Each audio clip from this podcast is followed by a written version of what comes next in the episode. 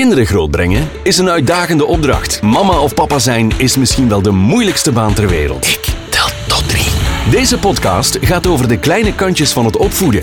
Wij brengen echte verhalen met een knipoog, een traan en een lach. Want wat is het een voorrecht om dat kleine mensje te zien opgroeien met het hart op de juiste plaats. Welkom bij Ik Tel Tot Drie. Welkom bij een nieuwe aflevering van Ik Tel Tot Drie. Alice is twee jaar en ze is een heel actieve peuter. Ze klautert op de tafel, verstopt zich in de kast en ze wil ook alles onderzoeken. En hierdoor ontdekt ze haar zintuigen volop.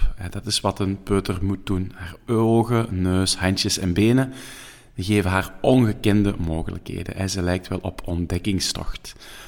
Alice heeft in de slaapkamer van mama ook een wonderlijk iets ontdekt, namelijk een grote spiegel. En wat Alice heel graag doet, is zichzelf bekijken van top tot teen in die spiegel. En soms staat ze wel een half uur voor die grote glazen reflecterende plaat. En giechelend zoent ze dan haar spiegelbeeld. En nog eens, en nog eens.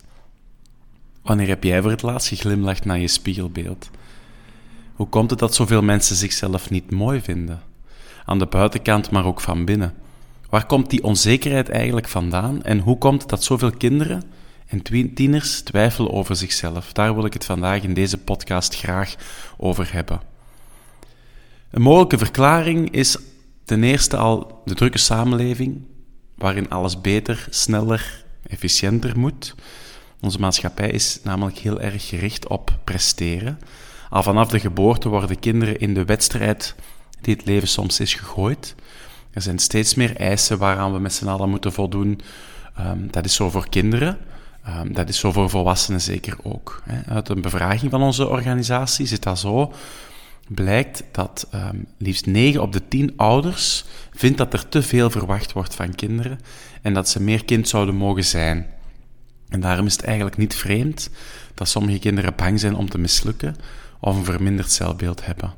De kinderen moeten goed presteren op school, Een op de drie ouders laat hun kind geen huiswerk met fouten afgeven, bijvoorbeeld. Blijkt ook uit die bevraging. Uh, twee op de drie ouders meent dat huiswerk op de lagere school stress oplevert in het gezin en ook spanningen intern bij het kind zelf.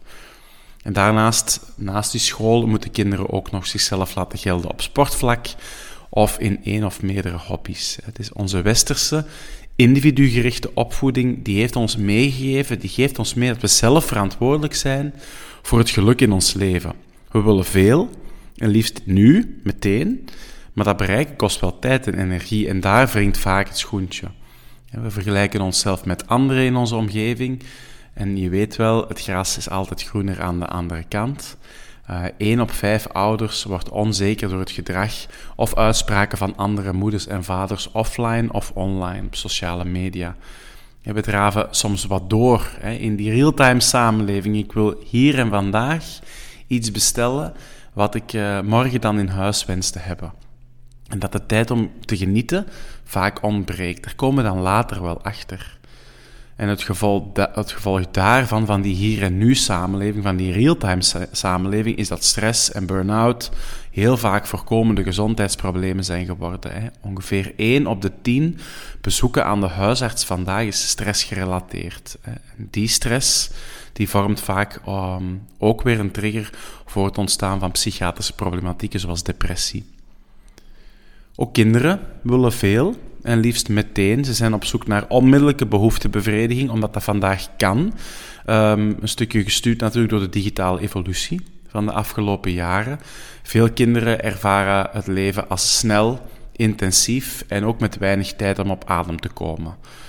En dat gevoel van stress, dat werkt op lange termijn contraproductief. Hè. Ehm, we weten uit neurowetenschappelijk onderzoek bijvoorbeeld dat hoe meer stresshormoon het brein zal afscheiden, hoe minder waarschijnlijk het is dat kinderen echt intellectuele vooruitgang zullen boeken. En ook hoe groter de kans op onder andere angststoornissen of depressieve gevoelens. Nooit eerder zijn we zo connected geweest met elkaar, zo verbonden geweest met elkaar. De opkomst van de sociale media hebben ervoor gezorgd dat volwassenen en minderjarigen online informatie kunnen opzoeken, zich kunnen ontspannen, uh, contact kunnen houden met vrienden en ook nieuwe contacten kunnen leggen. En dat is allemaal heel goed.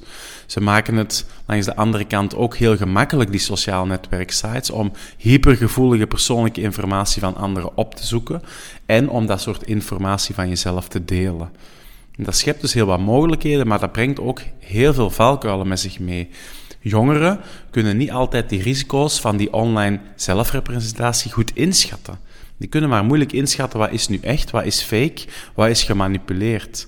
En er komt heel wat sociale druk um, kijken bij dat voortdurend in verbinding staan. En dat maakt dat sommige kinderen, tieners vooral, hun eigen waarde, en ook volwassenen hoor, hun eigen waarde gaan scoren op het aantal volgers, uh, vind ik leuks, en comments.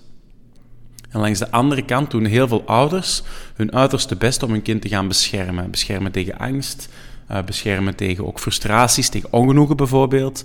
Uh, uh, die slinger kan natuurlijk ook doorslaan. Het gevaar is heel reëel dat kinderen verwachtingen ontwikkelen die dan later in de echte wereld onrealistisch blijken te zijn. Als die ouders te veel helikopterouders zijn geweest, te veel valkuil hebben willen wegnemen, te veel hebben willen beschermen. Want tegenslag en frustratie, die maken nu eenmaal inherent deel uit van ons leven. Dat zijn kortom heel wat verschillende redenen uh, waarvan ik denk dat ze een aanleiding kunnen zijn um, dat kinderen kampen met een laag zelfbeeld of een falend zelfvertrouwen. Um, ik zou veel dieper kunnen ingaan uh, op de oorzaken, maar dat ga ik nu vandaag in deze podcast uh, niet doen. Belangrijk is natuurlijk, hoe kan je zelfvertrouwen van kinderen opbouwen? Hoe kan je ze vergroten? Op welke manier kan je een rol spelen? En daarover ga ik ook uh, dieper in in mijn boek Opvoeden tot zelfvertrouwen, dat je kan verkrijgen in de boekhandel, in de bibliotheek of bij Lano online. Een volgende keer gaan we daar ook nog wel dieper op in in een podcast. Ik dank je alvast nu om te luisteren en wens je nog een fijne dag. Dag. Dit was Ik Tel Tot 3, de podcast over echt ouderschap. Abonneer je voor nieuwe afleveringen, reageer of stuur ons een berichtje op ikteltot3.be. Vergeet niet, je staat er niet alleen voor, want it takes a village to raise a child.